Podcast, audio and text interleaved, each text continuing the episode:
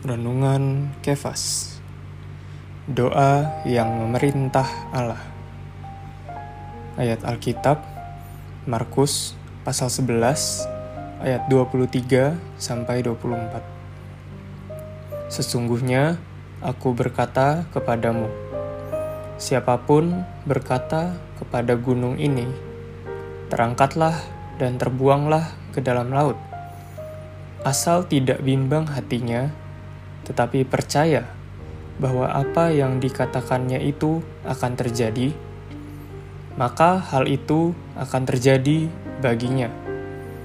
Karena itu, aku berkata kepadamu, apa saja yang kamu doakan dan minta, percayalah bahwa kamu telah menerimanya, maka hal itu akan diberikan kepadamu. Sobat Kefas, Alkitab menunjukkan kepada kita hubungan antara doa, puasa, dan otoritas. Doa menunjukkan kita mencari Allah, sedangkan puasa menunjukkan kita menyangkal diri kita. Kita harus mencari Allah dan menyangkal diri pada waktu yang bersamaan. Ketika pencarian kita akan Allah dan penyangkalan diri kita bergabung dan berbaur bersama, akan segera timbul iman.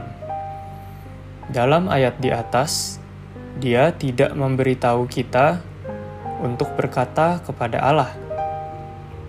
Dia memberitahu kita untuk berpaling kepada gunung itu dan berkata kepada gunung itu. Doa dengan otoritas tidak meminta Allah melakukan sesuatu. Doa ini melaksanakan otoritas Allah dan menerapkan otoritas ini untuk mengatasi masalah dan hal-hal yang harus disingkirkan. Bagaimana gereja bisa memiliki doa dengan otoritas yang sedemikian, yaitu dengan gereja memiliki iman yang penuh, tanpa keraguan, dan jelas bahwa apa yang kita lakukan sepenuhnya menurut kehendak Allah.